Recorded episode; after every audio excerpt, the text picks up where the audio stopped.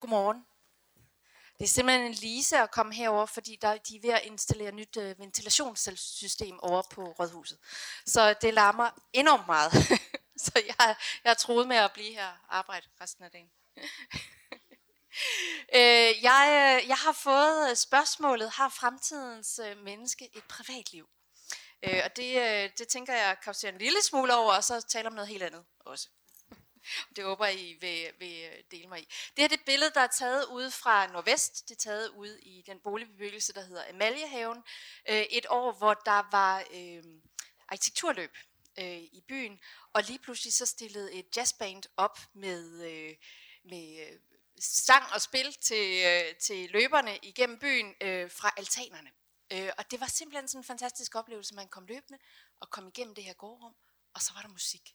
Øh, og det skabte en helt anden fornemmelse. Men for mig brød det også lige pludselig med det der forhold mellem, hvad der er privat og offentligt i byen. Vi var som, øh, som private løbere inviteret indenfor i et øh, gårdrum, og lige pludselig stod der et meget offentligt orkester oppe på, øh, på de der private antaner. Det var en øh, lidt øh, spændende oplevelse. Det er det andet billede fra København. Det er to drenge, der sidder nede i øh, fælledparken. Øhm, og øh, jeg talte ikke med dem, da jeg tog billedet, men, men for mig er de i gang med noget, der på den ene side er meget privat. De sidder og spiller Nintendo, det er et lidt øh, ældre billede.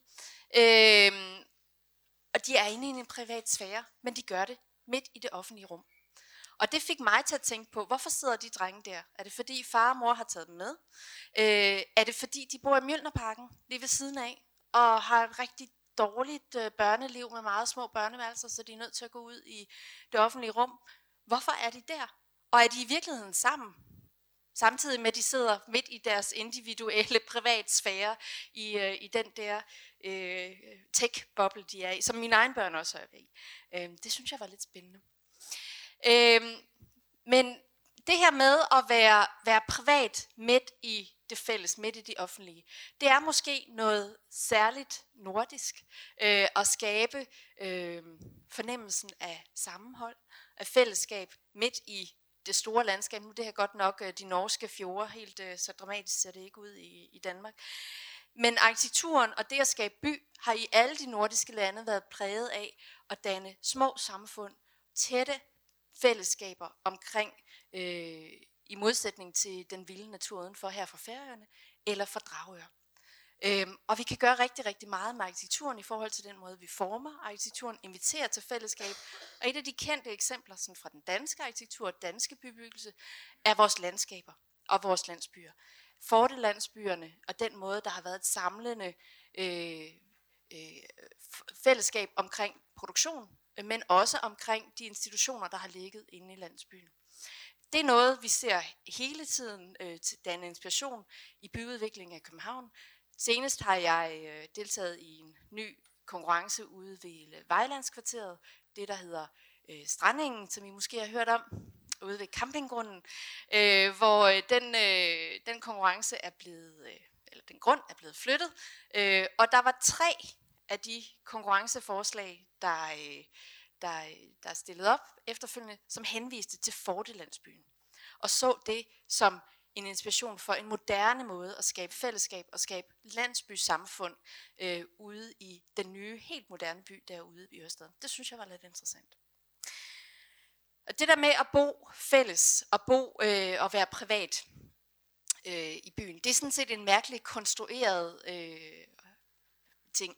Det er det gamle øh, snit, en gammel tegning fra Paris, som viser, hvordan vi i den gamle by, den klassiske by, havde alle sociale lag inden for samme bygning. Her ser vi øh, tjenestepigerne og kokken nede for neden, der lukker øh, de handlende ind. Så har vi herskabet på første sal, og så efterhånden som øh, loft højden bliver lavere og lavere, så bliver det øh, mindre og mindre attraktivt, og så sidder øh, den fattige digter øh, op på taget og, og ryster af kulde. I dag er det måske i virkeligheden lidt anderledes. Øh, der er det typisk øh, penthouse-lejligheden, og de rige, der bor deroppe på toppen af byen og har den friske luft og udsynet. Men der er jo noget meget sympatisk i det der med, at vi i en by, i den bytypologi, vi har i Karibien, kan rumme en masse mennesker og en masse sociale lag sammen. Øhm, og det er noget af det, vores øh, by har traditionelt har gjort rigtig, rigtig godt. Måske oplevede vi en tid, hvor det blev sprængt. Det her det er Bellahøjhusene, som er tegnet 1951-56. Og hvis, hvis I tager derud, så vil I se, at de er faktisk meget smukke og meget forskellige hver især.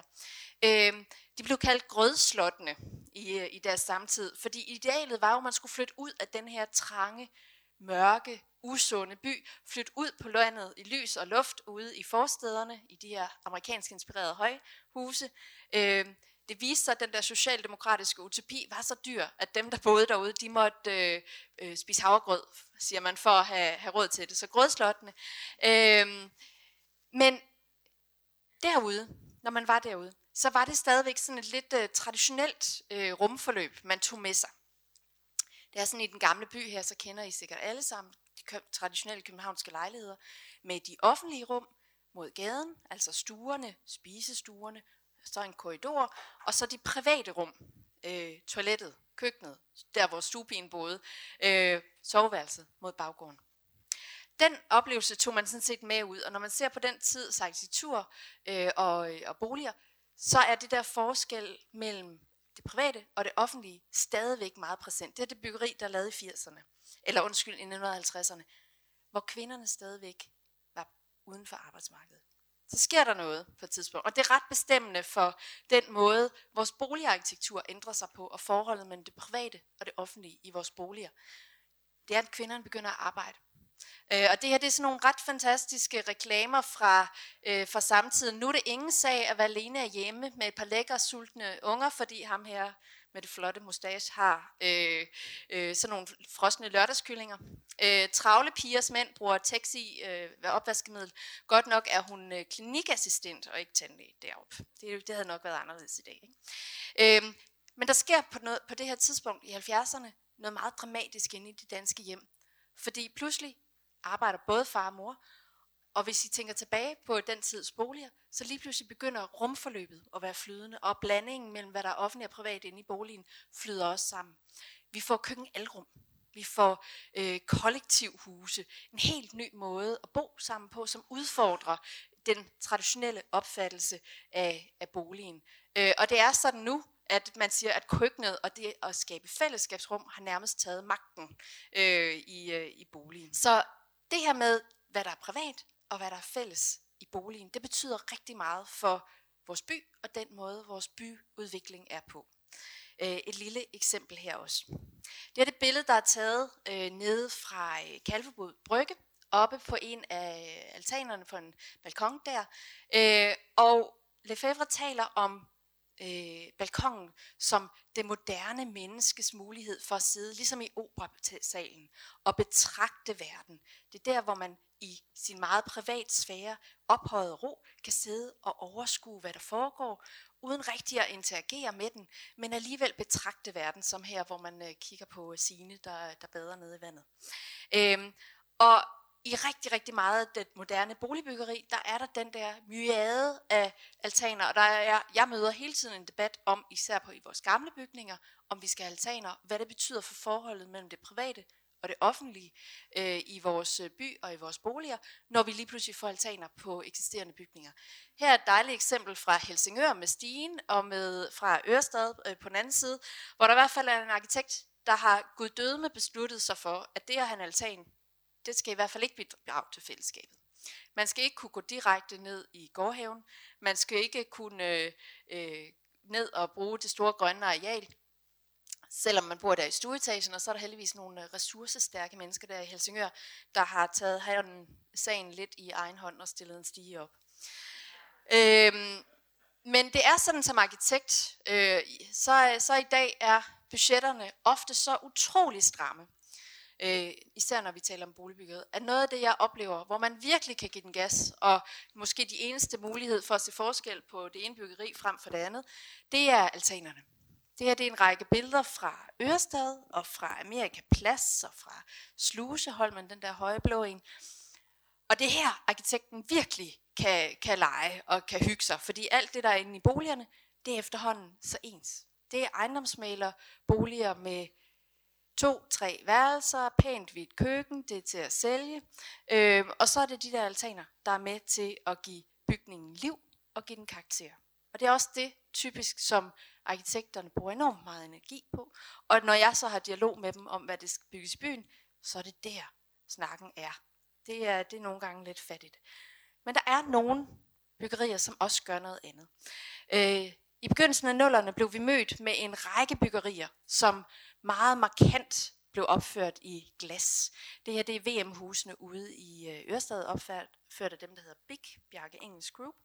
Øhm, og det er et byggeri med glas fra gulv til loft. Øh, og antropolog Marie Stender skrev for nogle år siden en afhandling, hvor hun kiggede på sådan nogle glasbyggerier, og hvad det betyder for vores oplevelse i byen. Det der med, at godt nok kan vi se ind på dem, men de kan lige så meget se ud på os.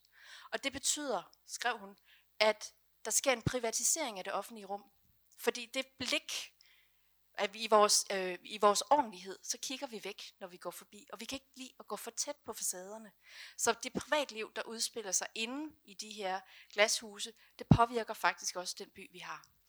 Øh, det her billede ude fra Ørestaden, det er en ret fantastisk mand, der samler på Vernon Panton-lamper.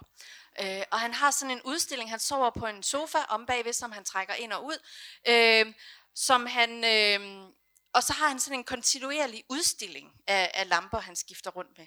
Øh, så han er på en eller anden måde i dialog med øh, mellem det private øh, og det offentlige der i hans byrum. Øh, men der er måske et skift på vej fra det her med de meget åbne, transparente glasfacader og ikke at invitere ud offentligheden indenfor. Det her det er et af mine andet yndlingsbyggerier, øh, Tittenkollegiet, som jeg også ligger ude i Ørestaden.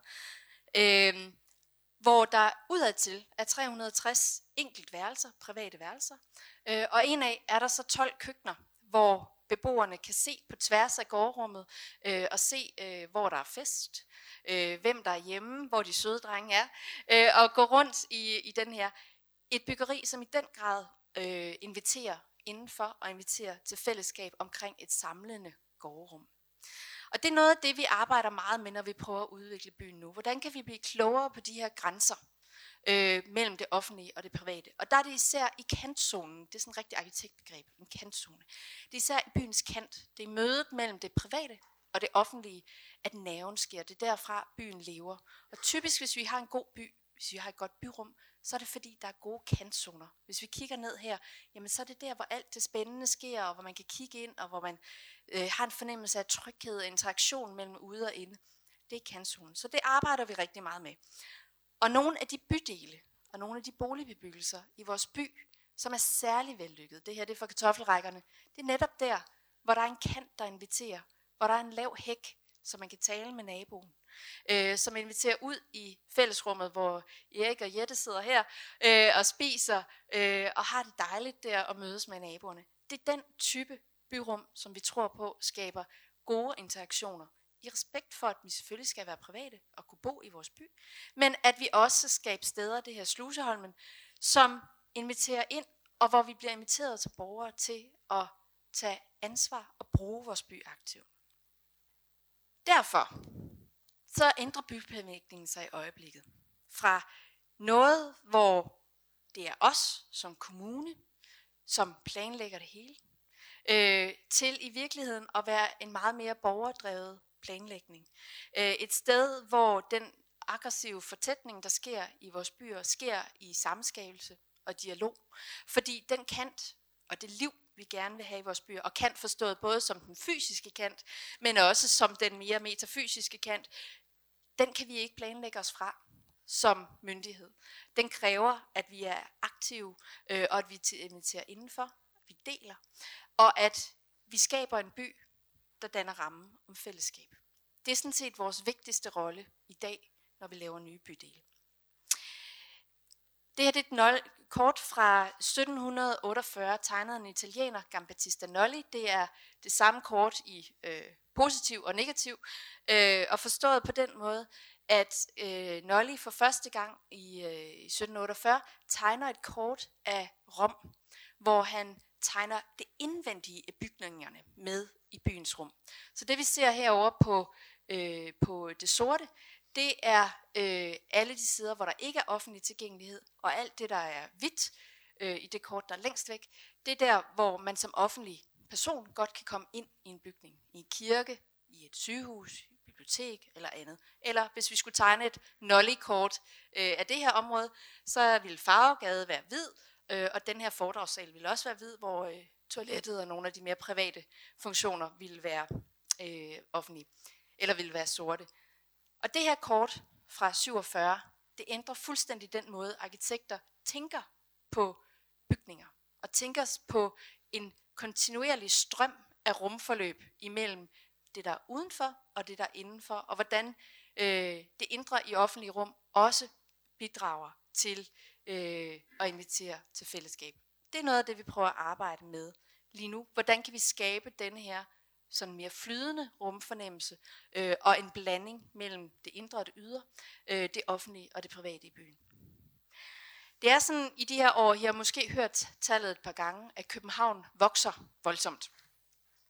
Øh, vi bliver sikkert 10.000 borgere mere om året, og dem vi især bliver flere af, det er børnene. Det er fordi øh, balancen mellem dem, der flytter til og flytter fra byen, er nogenlunde jævn, men københavnerne bliver boende i byen, øh, og københavnerne får flere børn. Øhm, og det betyder selvfølgelig, at øh, den måde, vores by er på, øh, ser anderledes ud. Når jeg besøger andre steder, så oplever jeg meget, meget få børn i byen. Øh, når vi har gæster i København, så bliver de altid lamslået af øh, øh, barnevognene og den tillid, vi har i vores samfund, når vi lader vores børn ligge ude. Øh, og en lille sjov historie, så kommer det der med barnevognene fra også fra København. Det kommer fra øh, den store koleraudbrud, vi havde i 1853, hvor 3.000 københavnere døde, øh, og en sundhedsplejerske så skrev en lille øh, folder til, hvordan man skulle holde børnene sunde, blandt andet ved at lade dem sove udenfor. Det er derfor, vi har den her sådan, kulturelle levn øh, i Danmark. Der er selvfølgelig ingen grund til, at vi gør det, men, øh, men der, der er sådan en lille københavnerhistorie omkring det. Men når vi planlægger for børn, så synes jeg, det giver et signal om en blød by. En blød, der er menneskelig, men også hvor det meget nære, det private, at sidde og amme sit barn, bliver synligt, og hvor vi som by skal lave rum til det. Det er lidt en udfordring. Øh, det tænker vi over nogle gange, når vi stiller bænke op, eller når vi laver læ, eller vi skaber aktiviteter og legepladser i byen. Vi har 125 legepladser i København. Dermed inviterer vi også vores yngste borgere ud. Men vi har også et ansvar i en by, som er socialt blandet, for at skabe rum, hvor vi alle sammen kan mødes. Og svaret i København, synes jeg, skal være, at vi skal skabe nok plads. Øh, jeg er så ked af den første generations metrobyggerier, hvor der ingen bænke er på pladserne. De nye metropladser er lidt mere generøse. Øh, svaret på, er på hjemløse problematikken er tit at tage bænke væk og tage opholdspladser væk. Jeg synes tværtimod, at vi skal have en by, hvor vi er generøse, og hvor der er bænk nok. Øh, og det ansvar kan vi godt tage som by. Det her det er et billede ud fra Sydhavnen, Skandiagade, hvor vi sidste år, eller i år, udvidede, øh, indvidede en, øh, en ny klima øh, løsning, hvor vi samler regnvand, og samtidig også skaber mødesteder.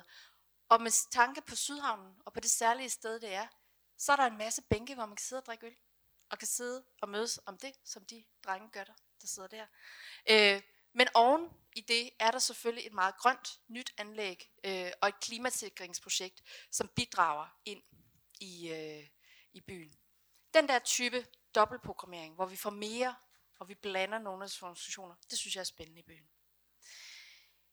I København er vi pålagt, og jeg siger pålagt, øh, at, øh, at arbejde med regeringens ghettopolitik. Øh, og det betyder, at vi har to hårde ghettoområder, det er dem, der er markeret her. Øh, ja, nu kan jeg ikke lige, jeg kan ikke mærke her. Nå, det er Tingbjerg, som øh, ligger op i, øh, i den ene ende af, af byen, blandt andet, hvor vi er i gang med en meget stor øh, omdannelsesprojekt, hvor vi arbejder med øh, at tilføre en masse nye boliger, 125.000 kvadratmeter nye boliger ind imellem de eksisterende bygninger.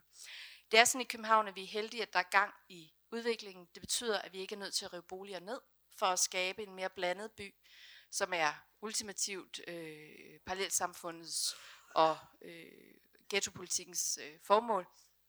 I København kan vi bygge til. Det er en meget stor gave.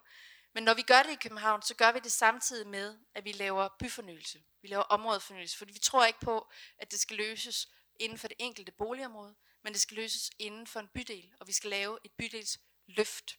Øh, blandt andet også ude i Nordvest, hvor, øh, hvor Tingbjerg ligger. Og det gør vi igennem en række tiltag, blandt andet også i vores byrum, som i Skandiagade-projektet, eller herude, Superkilen ude i, på Nørrebro, som ligger lige ved siden af Møllerparken. Øh, byrum, som inviterer indenfor, som gennem markant arkitektur øh, skaber opmærksomhed på et sted. Ude i Tingbjerg har vi fået et nyt bibliotek, bygget af det arkitektfirma, der hedder Kobe, som bliver kaldt en ghettoblaster. Meget stort, smukt guldteglstens byggeri, som taler til den oprindelige arkitektur øh, af Sten Ejler Rasmussen, og indfører sig moderne, men nænsomt øh, i det byrum. Og det er noget af det, arkitekturen kan. Den kan råbe op, og den kan også sætte, sætte lys på nogle af de steder, hvor det er svært i byen. Vi vil gerne have også, at vores by bliver skabt af de borgere, der skal bruge den. Og jeg synes, det var en særlig glæde i sommer, i sensommeren, at være med til Sydhavnens folkemøde. Det første folkemøde ude i Sydhavnen, hvor de satte spot på den byudvikling, der sker lige nu i Sydhavnen, og sker omkring Stejlepladsen, og den hastige urbanisering. Øh, det synes jeg var spændende. Jeg synes, det var dejligt og berigende at se, at borgerne engagerede selv og stillede op, og havde en stemme ind i udviklingen af vores og deres by. Og når vi investerer i byen, øh, så skal vi gøre det på en måde, hvor alle de offentlige investeringer inviterer indenfor. Øh, et eksempel kunne være vores nye folkeskole ude i, øh, i Ørestad, ude på Kalvebod Fællet, hvor der er en fodboldbane indeni, der er en sportssal. Det er en skole, der er aktiv øh, og i gang øh, 24 timer i døgnet, stort set. De vasker lige gulv midt om natten. Men ellers så er det alle mulige borgere, der bruger den. Vi får også en ny arena skole, øh, vores dyreste skole, nogensinde 770 millioner, øh, lige ved siden af øh, Royal Arena, hvor der er en svømmehal i. Vi skal altså begynde at tænke på de offentlige byggerier, som nogen, der inviterer indenfor, og som bliver forsamlingshusene øh, i det nye bydel.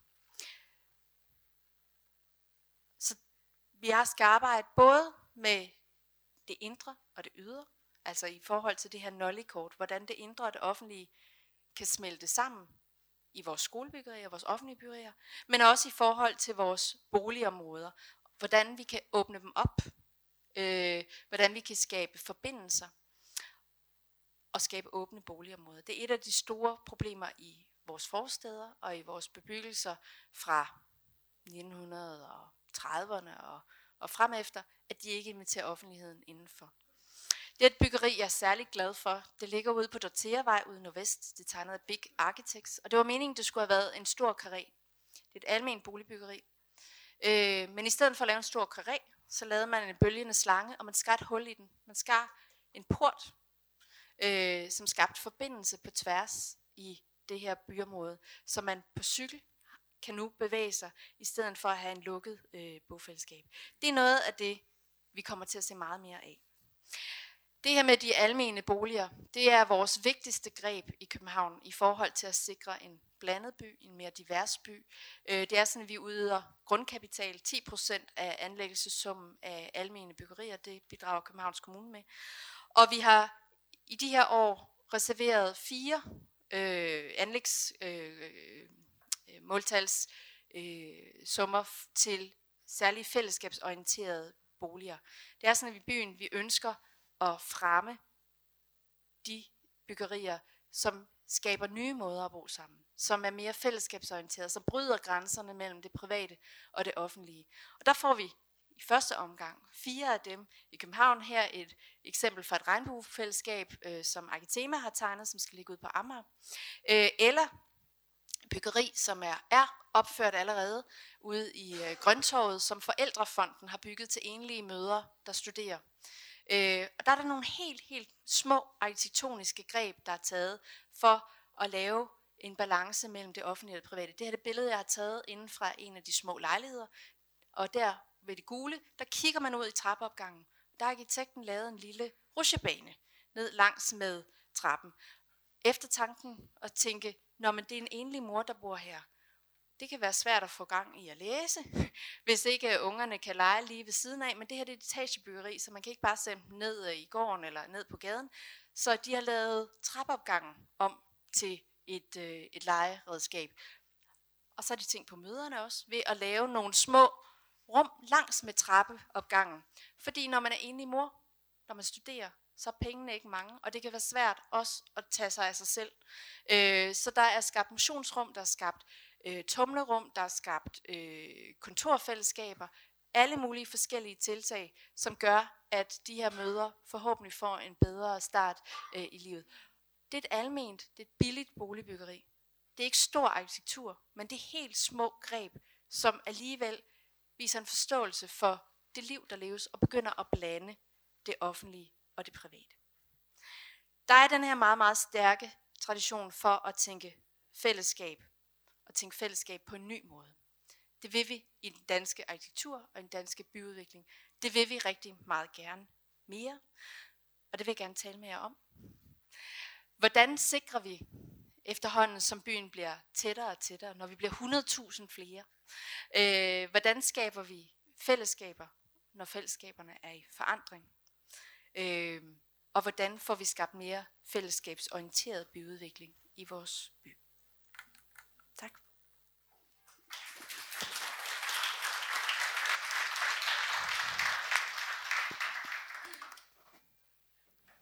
Tak, Camilla, og det var meget uh, timet. Øhm, og, øh, og nu er der mulighed for at byde ind, enten med, med svar på spørgsmålet, eller med, med kommentarer til, til oplægget. Tak skal du have. Uh, tak for oplægget. Spændende, hvad, hvad det er for nogle ting, der rører sig i øjeblikket. Jeg vil gerne vende tilbage til de slides, du havde, hvor du skrev, at uh, borgerdrevet uh, planlægning var noget, man ville se uh, i fremtiden. Og så tænker jeg også, du sagde, uh, at ude på Stejlepladsen, der havde borgerne mulighed for at, at tale ind i byplanlægningen. Og så tænker jeg, Stejlepladsen, Strandingen, det er jo to områder, hvor der har været stærke øh, borgerindsigelser. Og så tænker jeg bare, hvem har den største chance for at få en stemme ind i planlægningen? Er det dem på strandingen med en kendt kok i spidsen? Eller er det erhvervsfiskeren, der har troet på sit øh, brød ude, i, øh, ude på stejlpladsen? ja, jeg, jeg tror ikke, øh, at Nikolaj Kirk forventede at skubbe øh, problemet et andet sted hen i byen, øh, da han i gang satte sin aktion ude på strandingen. Grundlæggende, og det er lidt farligt at sige, synes jeg faktisk, man skulle have bygget på strandingen. Nu har vi lavet en voldsom investering i kollektiv transport øh, og i mere end 20 år øh, tænkt byudvikling i den retning. Så som planlægningsgreb øh, synes jeg, det er problematisk, når vi er undervejs på grund af et... Så spørgsmålet, har man tænkt sig om godt nok oprindeligt, da man planlagde Ørestaden, og ikke planlagt for så strandingen. Men når vi laver de her store investeringer i kollektiv transport, så mener jeg også, at man skal kunne regne med byudviklingen. Øh, når det så er sagt, så er der en, øh, en meget øh, aktivistisk arkitekt, øh, Rikke Rohr, som også bor ude i Sydhavnen, som prøver at være øh, Nikolaj Kirk og give stemme til øh, de folk, der bor derude. Øh, vi har haft en super fin dialog og borgerdialog. Er det ideelt? Nej. Vil jeg ønske, at man ikke skulle bygge på stejlepladsen lige nu? Ja. Jeg synes ikke, det er et godt greb, at man bygger øh, by udefra og ind. København skal bygges øh, der, hvor der er kollektiv transport, og hvor rækkefølgen er naturlig. Altså og det kan man jo øh, gå over og tale med politikerne om, som har besluttet, at der skal bygges på Rød Stejnpladsen. Mm. Du sender bolden videre. Kan man i forhold til, til, øh, til det med de private og offentlige, nu er vi jo i november, og jeg må sige, der er et par måneder, hvor, hvor jeg tænker, at de der pladser, du viser, de er lidt døde. Altså, hvordan tænker man det i forhold til sådan et, at der, der er nogle, altså jeg synes nogle gange, når man ser de her billeder, så tænker man, det, det, det, det er jo fint nok i august, september, men, men hvordan tænker man de her rum? Altså men det er jo derfor netop netop Nolly-kortet er så vigtigt, det her med at tænke øh, indefra og ud, altså hvordan bygningernes indre også bidrager.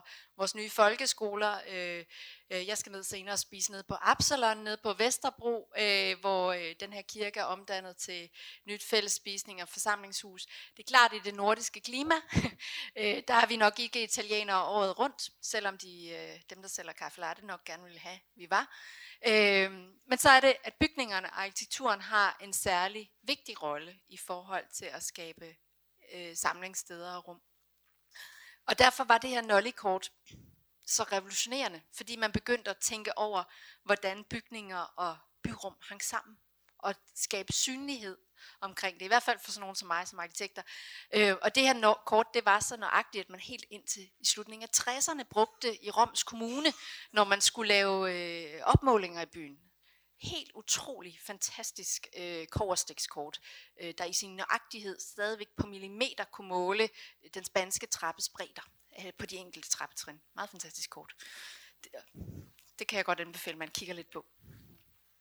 Du viste på dine billeder, hvordan man, øh, hvordan man sådan øh, havde øh, fællesskabet nede i gårdrummet. Du viste samtidig også det her med altanerne, og der er jo sådan set et skisma mellem det, at alle folk gerne vil have en altan og sidde deroppe og være private, og samtidig også gerne vil have, øh, hvad skal man sige, fællesskabet nede i gårdrummet. Mm. Hvordan ser du udviklingen og hvad, og, og hvad peger du på, som er udvikling? Ja. altså, der, der er jo to Øh, ender i det der spørgsmål, fordi det ene er den nye by, den planlagte by, øh, og det andet er øh, den eksisterende by. Og det er sådan, i den, øh, den nye by, der kan vi arbejde med friarealprocenter og normer for, hvor meget grønt der skal være osv. Der er mange steder i vores eksisterende by, hvor vi bor meget, meget tæt, især herinde. Vi vil stort set aldrig tillade øh, altaner og balkonger mod gaden inde i middelalderbyen, men nogle gange mod gården. Der er nogle særlige regler omkring øh, naboer og hjørner og sådan nogle ting, som, øh, som gør sig gældende. Så i den eksisterende by, så kan jeg sådan godt se, at det bidrager til kvalitet af, at hvis man har en altan, hvis man får lov til at lave en altan, at det kan bidrage til kvaliteten af en typisk mindre mørk bolig uden mange friarealer, hvor gårdanlæggene tit er spist op af cykelparkering og af, af skrald og af parkering og alt muligt andet. Når vi er ude i den nye by, så vil jeg våge at påstå, at mange af de gårdanlæg, der bliver lavet, er sådan nogle rene øh, kludetæpper af beplantning og andet smukt, som man kigger ned på fra sin altan. Der bidrager de meget sjældent til øh, fællesskabet. Der, hvor der i virkeligheden er fællesskab tit, det er i indgang- og udgangssituationen. Øh, og derfor er noget af det, jeg kigger særligt på, når jeg kigger på nye byggerier, det er, hvordan kommer man til boligen? Øh, hvor parkerer man henne? Det siger enormt meget, altså både med cykel og, og med bil, det siger enormt meget om, hvordan folk bevæger sig, og hvor der er chance for, at man ligesom kartoffelrækkerne kan møde hinanden tilfældigt. Så de gode boligbyggerier nu, det er typisk faktisk dem, der laver en god indgangssituation, nærmere end en god gårdsituation, fordi det er der, hvor man støder ind i naboen, når man lige får den korte snak, og hvis der er en bænk, lige sætter sig ned. Øh, og så ryger man nok op på altanen bagefter. Kan du, kan du sige noget om, altså for jeg tænker fællesskab, det er, vel, øh, det er måske også det, du spørger os om, men fællesskab er jo så mange ting. Altså øh, der er vel forskellige typer af fællesskaber, og der er vel også forskellige typer af, altså der er også, jeg synes det der kantzone er ret interessant, altså for, for, i forhold til, jamen, mm, hvor kan man have det rart sammen, uden at blive tvunget sammen, eller hvordan, altså der er vel også nogle overvejelser i det, måske. Det er sådan især, når vi, øh, vi øh, planlægger for vores øh, svageste grupper, øh, så er kanten der, hvor man føler sig tryg, øh, og der, hvor det er rigtig nemt at indtage øh, rummet, byrummet. Når vi taler med, med drikkegrupper og andet nede på Vesterbro om øh, ingen plads og andre steder, hvordan får vi skabt gode byrum for dem, så er det netop der, hvor vi får lavet kanter, hvor de forskellige grupperinger kan sidde øh, sammen, men også øh, i øh, behørig øh, respekt for hinanden. Øh, og hvis I tænker på sådan øh, ja, første fase af Ørestaden, så er det sådan kendetegnet ved at være en meget glat by. Øh, hvor, hvor bygning og, og byrum møder hinanden øh, uden kendt. Øh, men hvis I har været ude på øh, Aarhusgadekvarteret på det første del af Nordhavnen for nylig, så måske lagt mærke til, eller prøv at lægge mærke til næste gang, I tager derud, øh, at det er en bydel, hvor man helt konsekvent har planlagt for at give byen kant, for at give øh, kantzone hele vejen rundt om bygningen, både indenfor i gårdrummene og udenfor mod gaden. Og for mig skaber den en helt anderledes levende by, der inviterer. Inviterer til ophold, og også inviterer til at, at have mere bynatur og, og nogle af de der herlighedsværdier, vi har i vores by. Det skaber selvfølgelig nogle udfordringer en gang imellem med folk, der sidder og snakker og griner øh, under det åbne vindue, eller øh, ja, der kan være indbliksscener til boligerne, der ligger der. Der er selvfølgelig en masse udfordringer i det også det er jo et spørgsmål til, til noget, der har været oppe, altså hvor højt må man bygge, altså hvor der har været synspunkter på, at det gav en masse blæst øh, på pladserne og mellem husene. Ja. København er man kan sige, historisk øh, beriget af at være en rimelig homogen by. Så sådan en fem-seks etager, og så med en række kirkespir og tårne, som øh, nogle gange er det blevet kaldt øh, en øh, lavkage med fødselsdagslys. Sådan det billede. Øhm, og det synes jeg i virkeligheden, København skal blive ved med at være. Øhm, det er sådan, at for ja, 15 år siden, der begyndte man at planlægge for højhuse i København igen. Der var en bevægelse der i 50'erne og 60'erne, hvor vi fik Arne Jacobsens hus og Domus Vista i 70'erne og andre. Højhusbyggeriet var gået i stå i mange år. Øh, og med Carlsberg især, og nogle af de nye byggerier ude langs Kremsvej, ude ved, øh, ved Amager Strand, der begyndte man desværre at bygge højhus igen i København. Det synes jeg ikke er en god udvikling. Øh, og øh, heldigvis, øh, der er stadig byggerier, der har byggetilladelse, som ikke er opført endnu. Men heldigvis, øh, mens øh, jeg har siddet på kontoret, er der ikke blevet stemt nogen højhuse igennem i København. Jeg tror, man har fået forståelse for, at det ikke skaber den ønskede bykvalitet i byen at få dem op. Det er selvfølgelig herligt for dem, der bor deroppe og kigger ud over. Men, øh, men øh, jeg synes sjældent, de bidrager til noget godt. Så det er et punkt, hvor jeg øh, ret aktivt øh, siger nej tak hver gang. Eller anbefaler vores politikere at sige nej tak hver gang. Ja.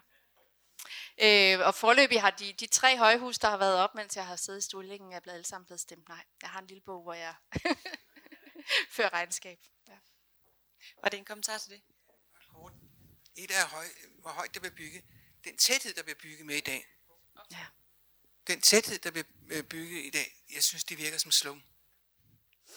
Ja. Altså, det, der bliver nikket meget, meget i Det kan være, der er et par der flere, der vil have nogle kommentarer, ja, inden jeg siger det synes noget. jeg virkelig er et problem, men øh, det er pengene, der gør det åbenbart. Ja. Lad os få et par kommentarer. Vi samler lige kommentaren. Ja. Du får den også lige her. Eller tal med hinanden også. med mig. Ja, det er egentlig også bare en kommentar. Øhm, du talte om det der med, hvordan man inviterer folk øh, sammen ved indgangene. Og der er faktisk lavet en, eller ved at blive lavet en spændende løsning, tror jeg, på hos Ørstedsvej, hvor et af de gamle øh, betonbyggerier, hvor der har været sådan nogle svalegange, øh, nu bliver bygget altaner ud fra svalegangene, sådan så man både får et fællesskabsrum og en privat altan mm. i et stort fællesrum. Mm. Det ser spændende ud. Altså, Nordhavn blev nævnt, og øhm, der er flere øh, boligkomplekser, der har en meget, meget lille øh, gård. Ikke et sted, man vil sende sine børn ned i. Og der er en hel del børn derude, fordi jeg var tal, valgtilforordnet for det område. Og der kom de faktisk trillende. Nå, men jeg har en veninde i et kor, som øh, er flyttet derud, og hun er egentlig meget glad for, at hun kan se over på Sandkaj og alt det der. Ikke? Hun er dement, men jeg synes bare, at prisen for en lille lejlighed på 90 kvadratmeter, den er 17.000. Og så har de også bil, fordi hun skal sådan bringes frem og tilbage til forskellige ting. Ikke? Og øhm, ja, den koster 1000, det er måske rimelig nok. Øh, den parkeringsplads, øh, den koster over 1000 kroner. Mm. 1200 kroner eller 1400 kroner eller sådan noget lignende. Og jeg synes, det er mange penge. Hun har regnet ud, hvor lang tid hun kan bo i det der kompleks, fordi hun har solgt sin andelslejlighed i uh, Villemusgade, hvor hun boede for Pempesal uden elevator. Mm. Og ordet slum er blevet nævnt, det er vi nødt til at ja. have lidt en opsamling ja, det, på. Det. Ja. Altså nu, øh, nu øh, arbejder vi jo meget aktivt på ikke at have slum i byen, øh, og vi har bygningsfornyelsen, som siden 80'erne har gjort en kæmpe, kæmpe indsats i forhold til at renovere bygninger i København. Der er stadigvæk, skal der siges, 3.000 boliger i København uden toilet, 22.000 uden bad. Øh, og, og nogle af dem er altså øh, i meget dårlig stand. Så det er noget, vi bidrager til at få opgraderet, altså de fysiske forhold, herunder også øh, nogle gange at etablere elevator, sådan at man får adgang til sin... Øh, jeg har selv for nylig brækket benet, så jeg ved godt, hvor, hvor ubehageligt det er, det der med ikke at kunne komme rundt og have elevator i byen. I forhold til byens tæthed, så er det jo en konsekvent diskussion, vi har internt i kommunen. Hvad er det rigtige på det her sted? Øh, hvis man ser på det sådan helt befolkningstæthedsmæssigt, så kunne der sådan set bo mange flere mennesker i byen ved, at vi byggede endnu tættere og endnu mindre, end vi gør. Og man ønsker jo at få flere til at bo tæt, altså hvis vi tænker øh, befolkningsmæssigt, og ikke kvadratmetermæssigt, men befolkningsmæssigt, for at få både øh, mere fællesskab, men også i forhold til vores investeringer i kollektiv transport og andet. Når det så er sagt, så kan vi ikke blive ved med at bygge på den måde, vi har gjort nu.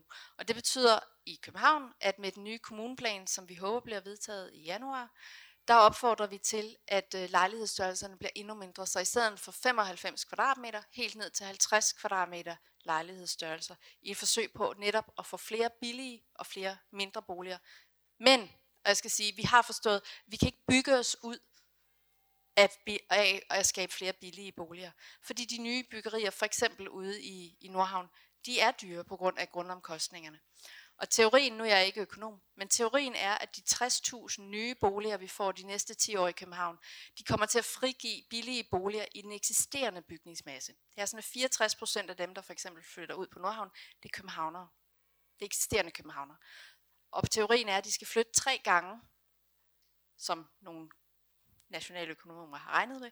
De skal flytte tre gange, og så bliver der en billig bolig frigivet. For vi kan simpelthen ikke bygge billigt nok, desværre. Tak til dig, Camilla van Dørs, og du har et spørgsmål, vi kan tage med os og diskutere med hinanden. Og det helt simple spørgsmål er, hvad gør I, hvad gør du allerede i dag for at bidrage til mere fællesskab? Tak for i dag.